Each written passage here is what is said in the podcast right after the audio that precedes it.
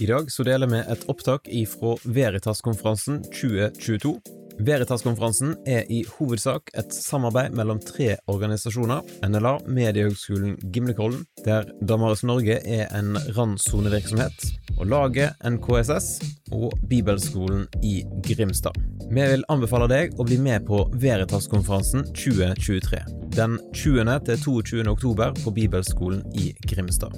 I 2023 så vil hovedtemaet være Fornuft og fantasi arven etter CS Lewis. Sjekk ut veritaskonferansen.no for mer informasjon, og meld deg på i dag.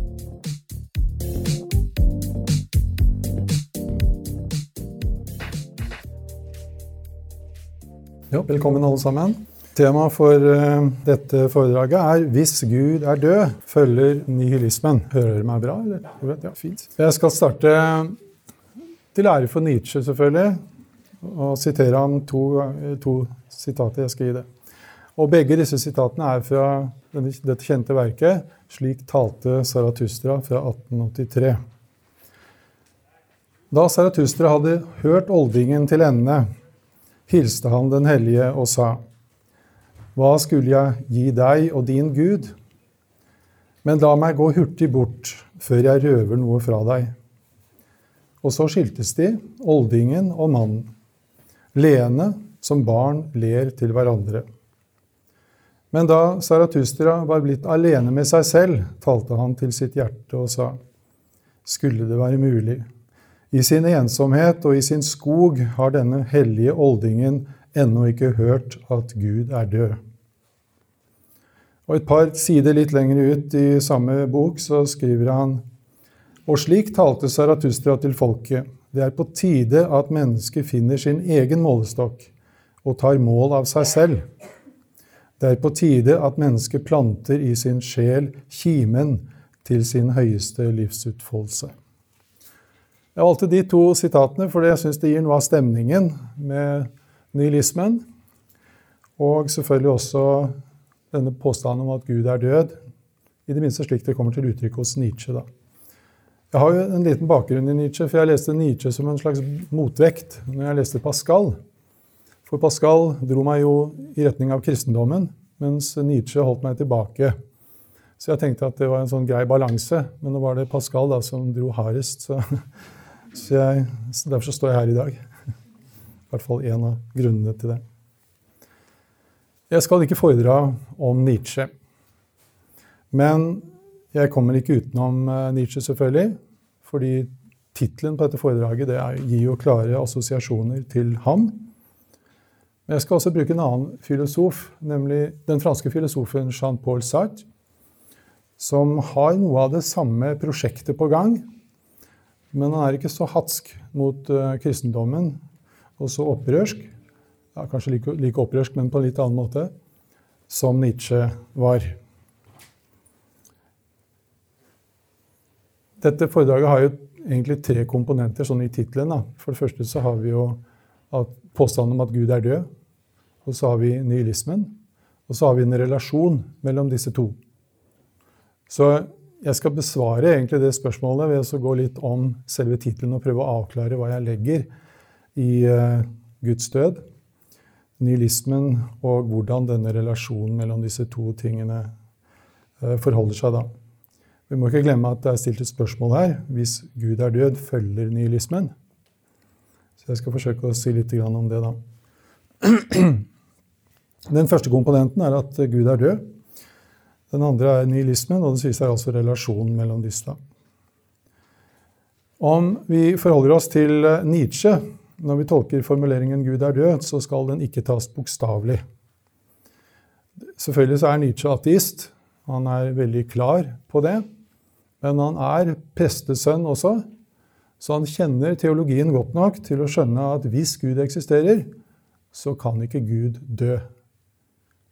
Det har han helt klart inne. Men det er et veldig sånn eh, poetisk eh, sterkt uttrykk å si at Gud er død.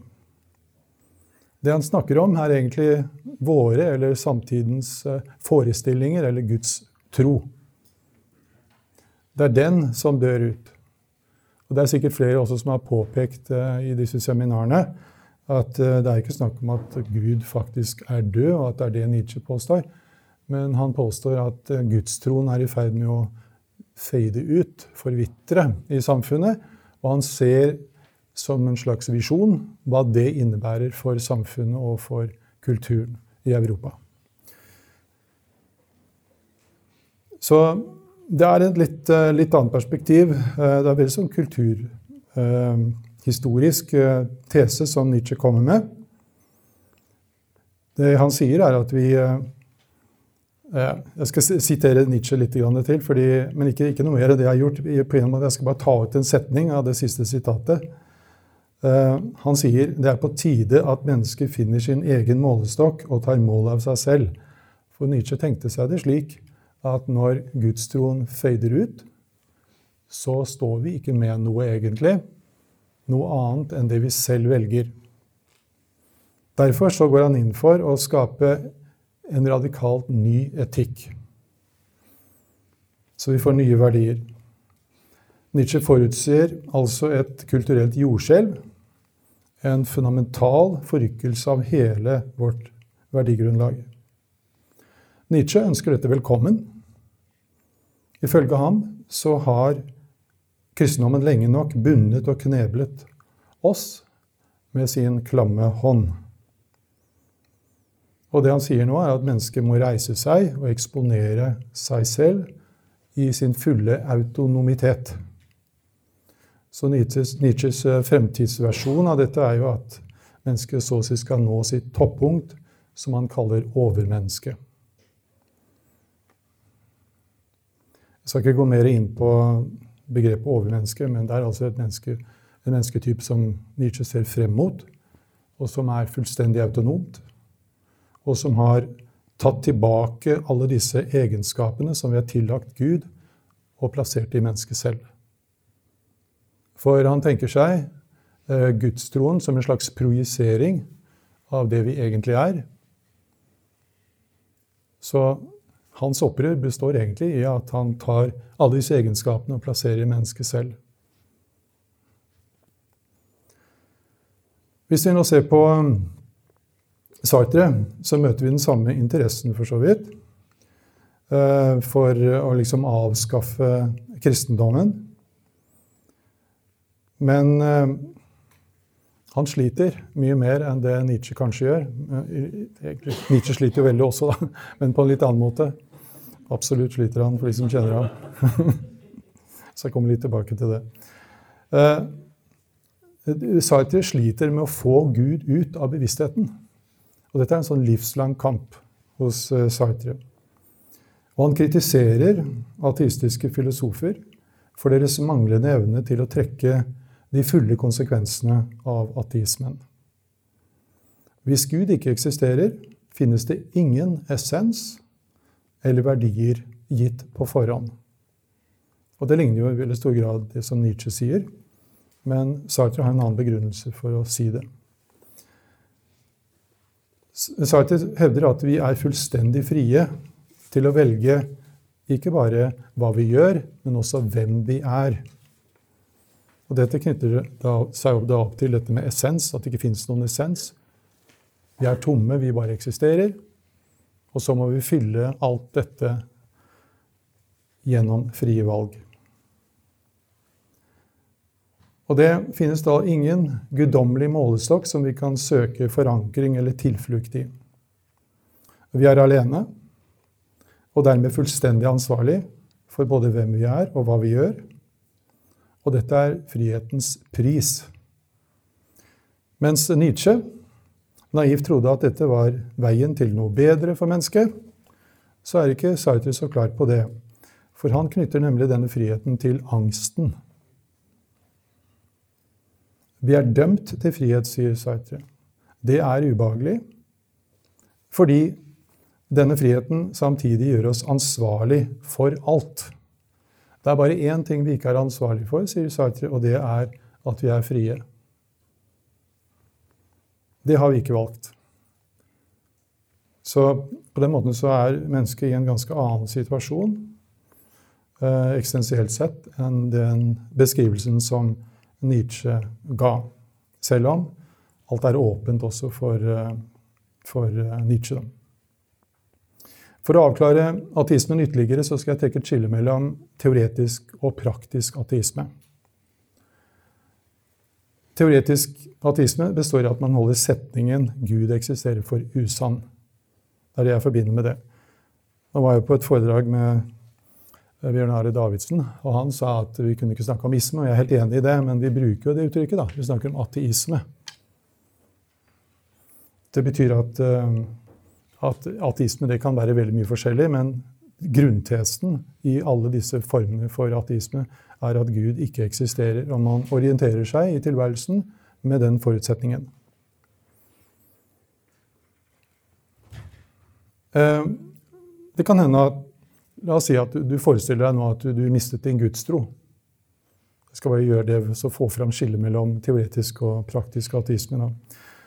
Eh, og da kan det hende at du slutter å gå på kristne gudstjenester eller møter. Kanskje finner du en slags frihet i det, for da slipper du å, å gjøre det. Liksom. Da kan du gjøre noe annet som du kanskje heller har villet gjøre en stund. Men du fortsetter å følge de moralske verdiene som kjennetegner kristendommen, og som vårt samfunn er gjennomsyret av. Vi ser her at, en, eh, at man er kristen, eller mister sin kristne tro innebærer ikke at man mister alt sammen på 1,2. Det, det, går en slags prosess i etterkant av det. Og den motsatte veien også. Så man kan altså være ateist, men fortsatt slags praktiserende kristen. Gjennom alle, at man har med seg disse verdiene fordi man har vokst opp i en kristen kultur. Så når Nietzsche ser fremover i tid, så tenker han seg at denne gudstroen og de som, alt det som knytter seg til den gudstroen, fader ut. Og da står vi med konsekvensene av at gudstroen er borte. Og det gjør vi ikke med en gang. Vi merker det ikke. Det går gradvis. Og selvfølgelig, sånn som Sartre slet med sin gudstro, som han egentlig hadde tatt avstand fra i ung alder, slet fortsatt med å kaste ut restene av Gud i sin bevissthet. Så Sartre var helt klar over at dette var en lang prosess. egentlig. Det er en lang prosess å bli en fullstendig konsekvent ateist. Så teoretisk ateisme er én ting, praktisk ateisme er noe annet. Det kan hende starte med en teoretisk ateisme, men eh, det tar veldig lang tid om du noen gang klarer å fullføre en praktisk ateisme. I fullstendig forstand, hvor du har trukket alle både praktiske og teoretiske konsekvenser av at Gud ikke fins. Og så er det motsatte veien. da. Uh, innenfor kristen teologi så snakker vi om helliggjørelse, omvendelse, alt det som knytter seg til dette her. Det er en prosess. Uh, vi anerkjenner at Jesus står fra de døde, at Gud eksisterer. Alle disse tingene er på plass, liksom. Vi går på kristne møter, vi går på gudstjenester. Vi deltar i nattverd, alle disse tingene her, som hører med. Og vi er veldig opptatt av det også, kanskje. Men vi ser at det henger noe igjen i oss. Og Det som jeg har vært særlig opptatt av, det er dette med hvordan jeg tenker. Hvordan bør jeg tenke? For jeg er filosof, ikke sant? så det henger litt sammen. Ikke, jeg sier ikke at dere ikke tenker, men, men, men det, er noe, det er en stor jobb å gjøre. da. Jeg tenker alltid på Sartre som forsøker å kaste Gud ut. Så tenker jeg motsatt. Da, selvfølgelig. Hvordan skal jeg ta de fulle konsekvensene av at Gud eksisterer? slik Gud har møtt meg i Jesus Kristus. Det er en stor oppgave. Og jeg tror at uh, kristen filosofi, som jeg selv er opptatt av, det er en god vei å gå til nettopp det. Å bli bevisst at man ikke bare tror og er kristen uh, av og til, eller et eller annet sånt. Nei, det skal gjennomsyre alt det jeg tenker. Og jeg tror det er det Paulus sier når han sier at du skal ta enhver tanke til fange under lydighet mot Kristus. Så det er noe av det jeg setter veldig stor pris på, som har blitt en slags veileder for meg i forhold til dette med kristen filosofi. Da. Så på den måten så kan jeg anbefale kristen filosofi.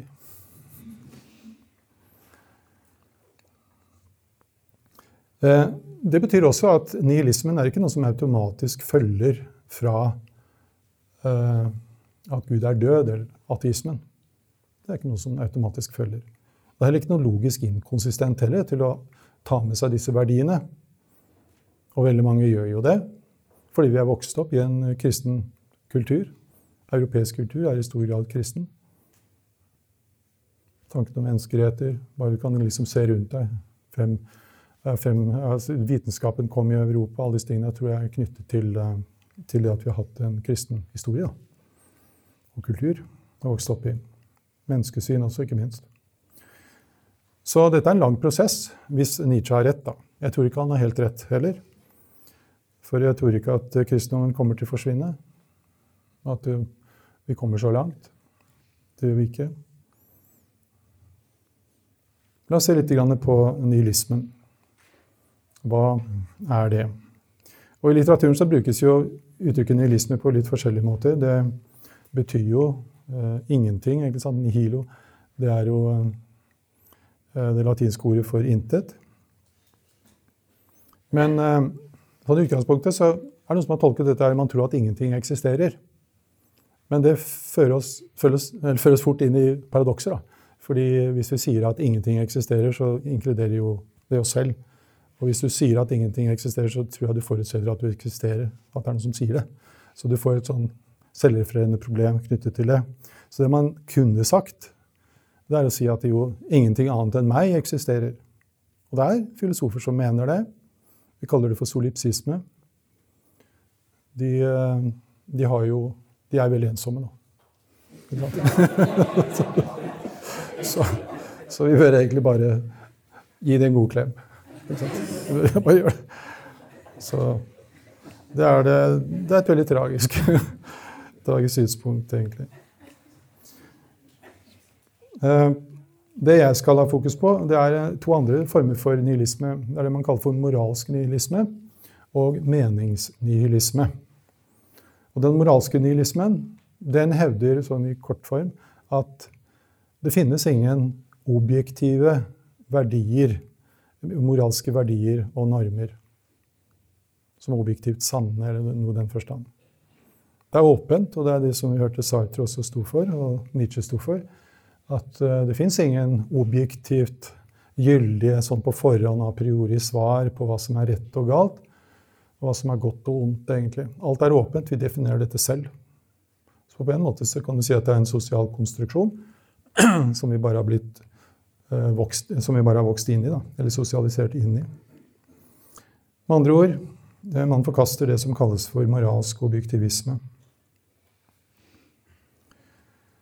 Eh, den måten å tenke på den impliserer ikke nødvendigvis ateisme sånn i vid forstand, men den impliserer en ateisme i, den mer spesifikke forstand, nemlig at det fins en gud som har en vilje, og som har en moralsk natur. Så hvis du er moralsk nihilist, så er det uforenlig med en benektelse av objektive normer og verdier. Det følger av det kristne gudsbegrepet. Og vi har det samme i jødedommen og islam også. Men jeg kjenner kristendommen best. da, for å si sånn. Ehm, det er, ehm, ligger i Guds natur, og det ligger i den logikken som ligger i de egenskapene vi tilskriver Gud. Men det følger ikke nødvendigvis en ateisme av det hvis man eh, sier at det ikke fins noen, eh, noen objektive Eh, verdier. Da. For det kan hende at denne guden er amoralsk, at den har ingenting med moral å gjøre overhodet.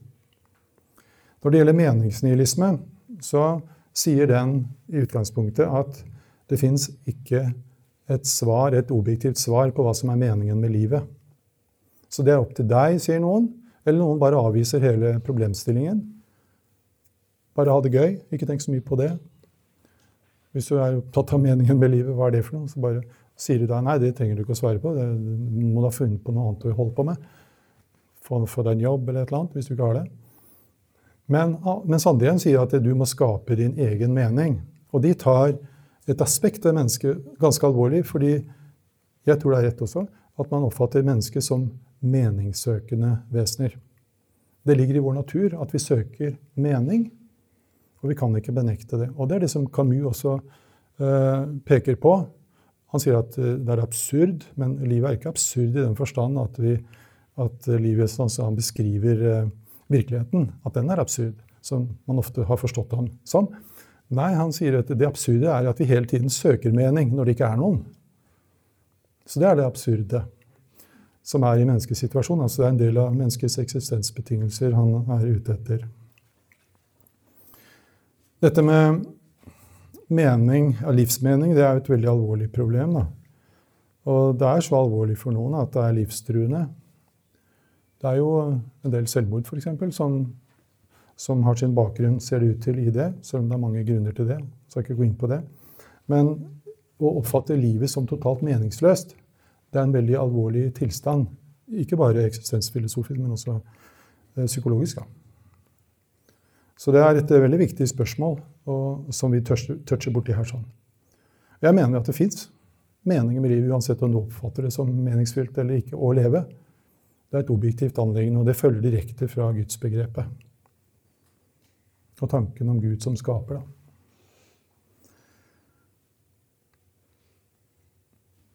Vi skal si at eh, Nietzsche er eh, moralsk nihilist. Men vi må trå litt forsiktig her, for noen ganger så mener man jo da at man ikke har noen moral overhodet. Men for Nietzsche så er det jo sånn nettopp at han ønsker å skape en moral. Det er poenget som Nietzsche er ute etter. Så han skaper jo en ny moral, men den er altså skapt ut fra ham selv, mennesket selv. Det er hans prosjekt. Som jeg sa, å få alle disse egenskapene ved Gud plassert i mennesket selv med den, eh, det mål at vi skaper eller frembringer overmennesker. Og man eh, kan jo selvfølgelig være litt syrlig i sånne, eller en kommentar til Nietzsche. Da. Jeg tror at, eh, at, at, det er vanskelig å finne et mer oppblåst mentalt indre da, enn det vi finner hos Nietzsche. Vi finner ikke det i filosofiens historie. Men vi skal ikke dømme han for hardt, for dette er en plaget mann, som jeg sa. Nietzsche søker helhet og sunnhet, mens han i seg selv erfarer noe ganske annet. Nietzsche er en plaget mann. Og han søker sin frihet og sunnhet gjennom å skape en filosofi som kunne vise ham veien. Og derfor selvfølgelig så strever han etter noe som han ikke ser i seg selv. Det er en visjon, en retning på livet. Han kan ikke. Han er i opprør mot Gud, beveger seg bort fra Gud men prøver å finne veien. Så det er i det lyset der at vi må forstå ham. Men det er en sekundær forståelse. Eh, jeg kunne jo ha sagt til ham at eh, det er en dårlig vei. Bruk heller kristen filosofi. Men den veien er jo mentalt lukket for Nietzsche. Han har tatt et valg. Gud fins ikke. Hva har han da tilbake? Jo, det er denne veien han kan se han kan gå, da. Og dermed så mister eh, alle verdiene, hele moralen, en forankring i noe objektivt. Og det er han for så vidt klar over. Men det er det som gjør mennesket autonomt, selvstendig, for Nietzsche. Bort fra Gud. Men han ender altså i en eh, moralsk, religiøs subjektivisme ved det. da. For Sartre Eh, så var det viktig å understreke at ateismen leder til frihet.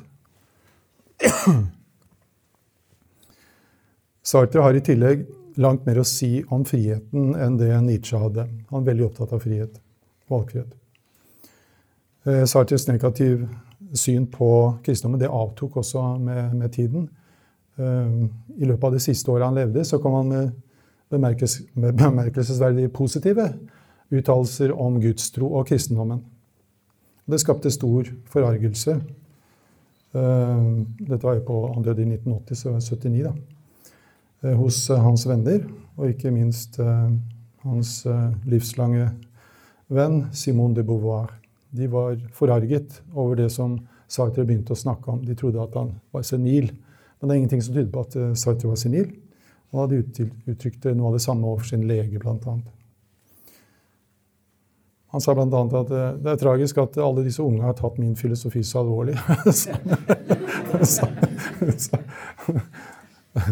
Du må skjønne at vi filosofer, vi, vi, vi bare sier ting. Så han eh, vedkjente seg ikke helt alt sammen. Da. Men det er klart han hadde en enorm eh, innvirkning på sin samtids unge mennesker. Nå er det jo, hører det jo med til uh, forklaringen er Han hadde jo et berømt uh, foredrag i, i, på det som heter Club Maintenant i 1945.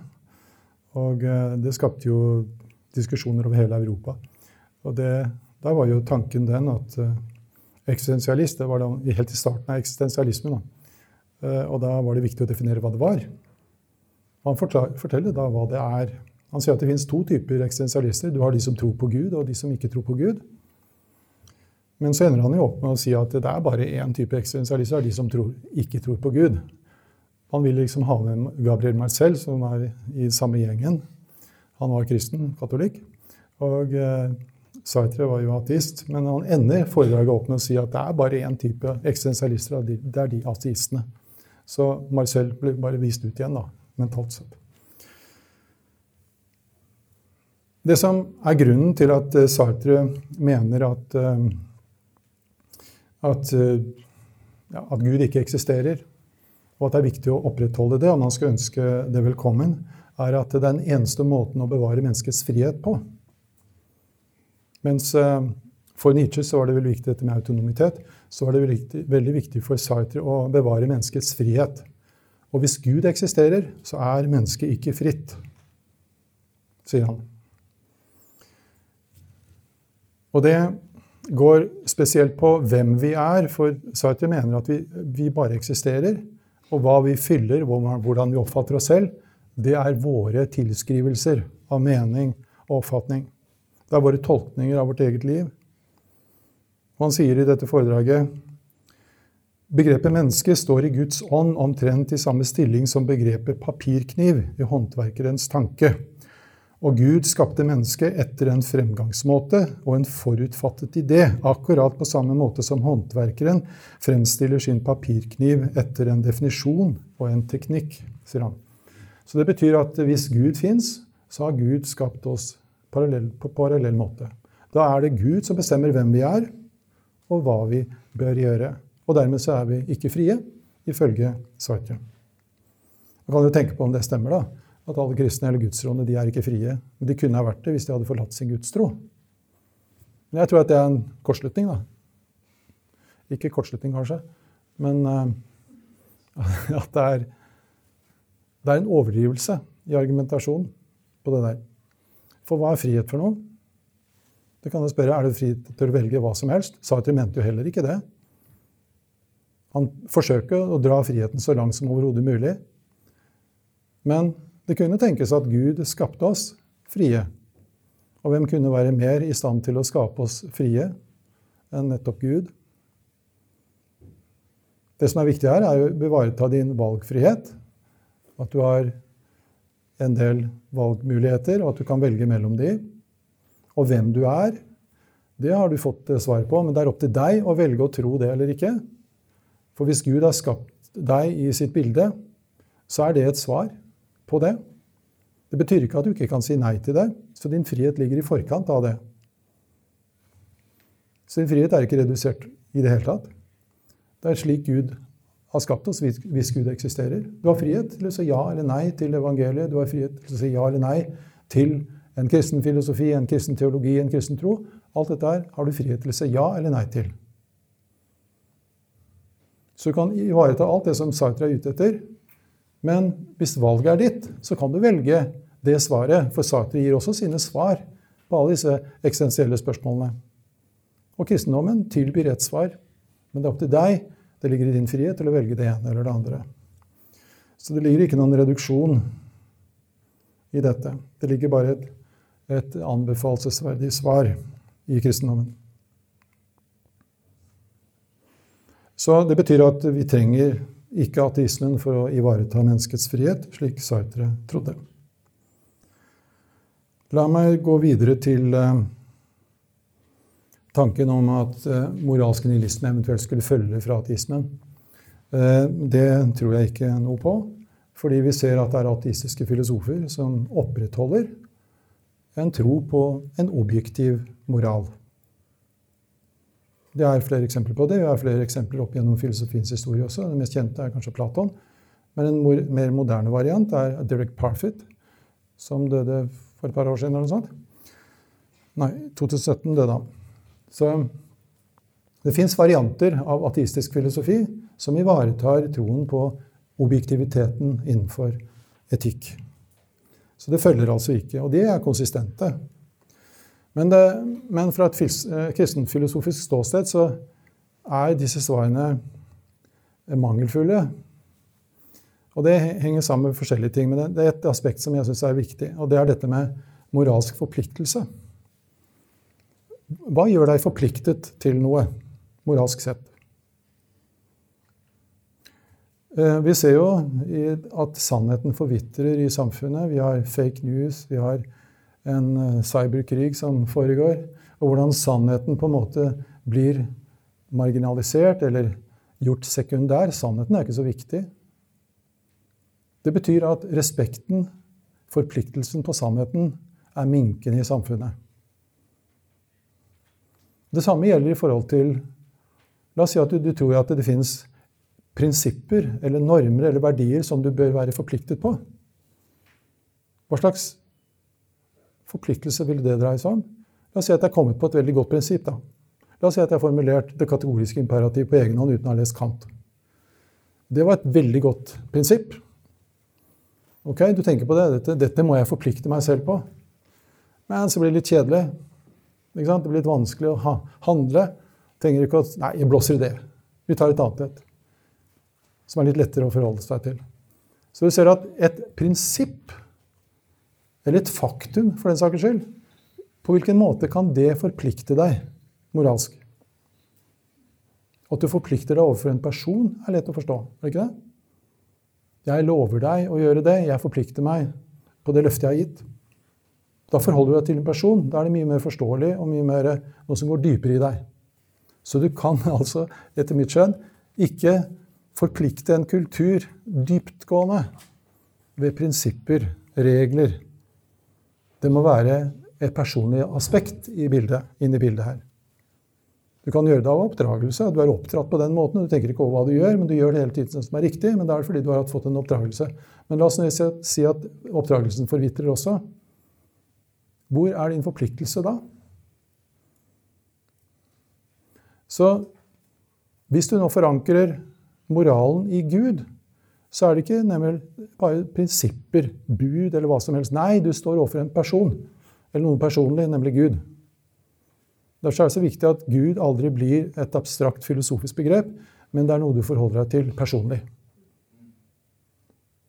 Og det kan aldri en konstruert etikk da, som kommer fra oss selv, som ikke har forankret i noe annet enn oss, gi deg. Du kan ha dine gode grunner for å handle på den måten. Jeg kan være enig i at det du gjorde, var riktig. At det var det beste du kunne ha gjort, osv. Men når du ser kulturen forvitre, den kristne kulturen blir borte, fader ut, vi får en annen kultur. Hvordan blir den moralen da? Det er jo et tankevekkende aspekt, sånn som jeg ser det. Så jeg tror at vi trenger en, en forankring for etikken som er knyttet til noe som har en intensjon. Altså Intensjonaliteten må ligge der i forpliktelse fra to steder, ikke bare fra min, men også fra det jeg forplikter meg overfor. Og det bør være noe som også har en intensjon.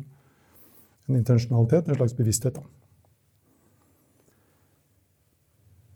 Det neste aspektet, dette med meningsnihilismen, om den følger fra ateismen. Og der svarer jeg ja. Hvis Gud ikke fins, så fins det ikke noen objektiv mening med livet. Det høres jo litt eh, rart ut. litt radikalt, kanskje.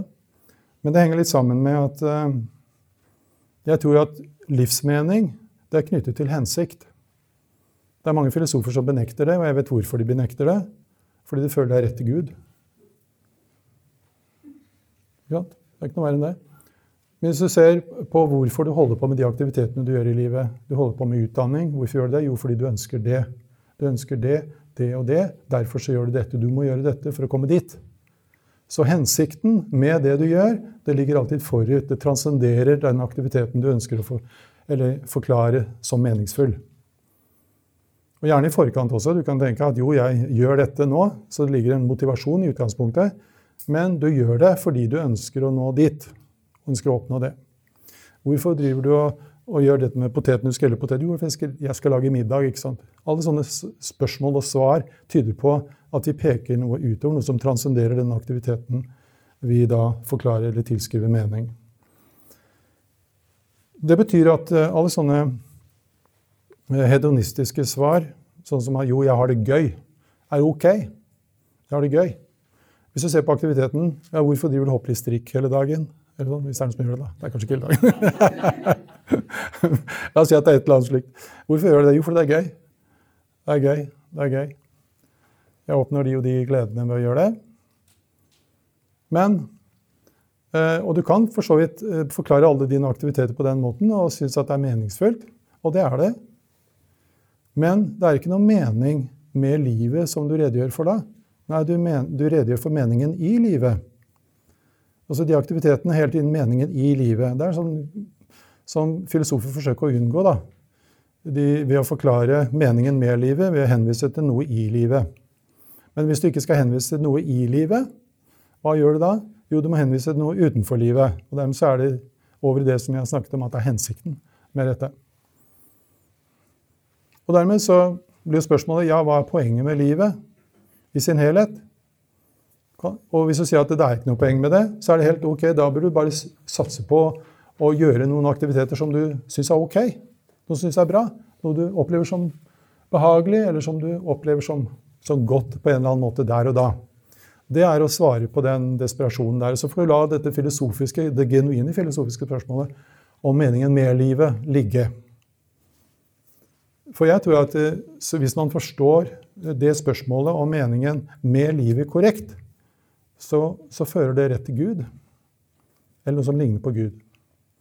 For det er bare Du må, du må akseptere at, eller du, du, må godta det at, at livet ditt er skapt da, med en hensikt, eller er til med en hensikt.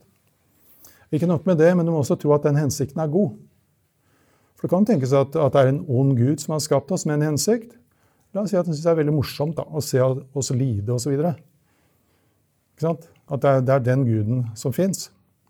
Vil ikke godta det. Det vil ikke bli meningsfullt for deg om Gud var slik. Så Det betyr at du må ha en god hensikt å henvise til, og det kan du eh, si ja til hvis du har en kristen gudsforståelse eller en annen gudsforståelse, for den saks skyld.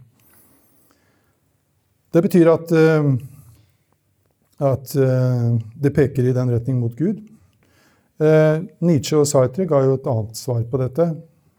Det er egentlig det heroiske prosjektet. Du må skape en mening selv. Så det er helt åpent. Det ligger ikke noe. Gud fins jo ikke. Så da må du skape og si at jo, det er dette som er meningen med livet. Men da kan du ikke henvise til en hensikt med livet.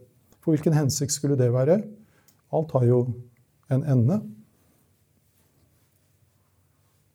Jeg synes det er veldig viktig, Hvis du skal forklare meningen med livet, så må du også forklare meningen med døden. Det henger uløselig sammen.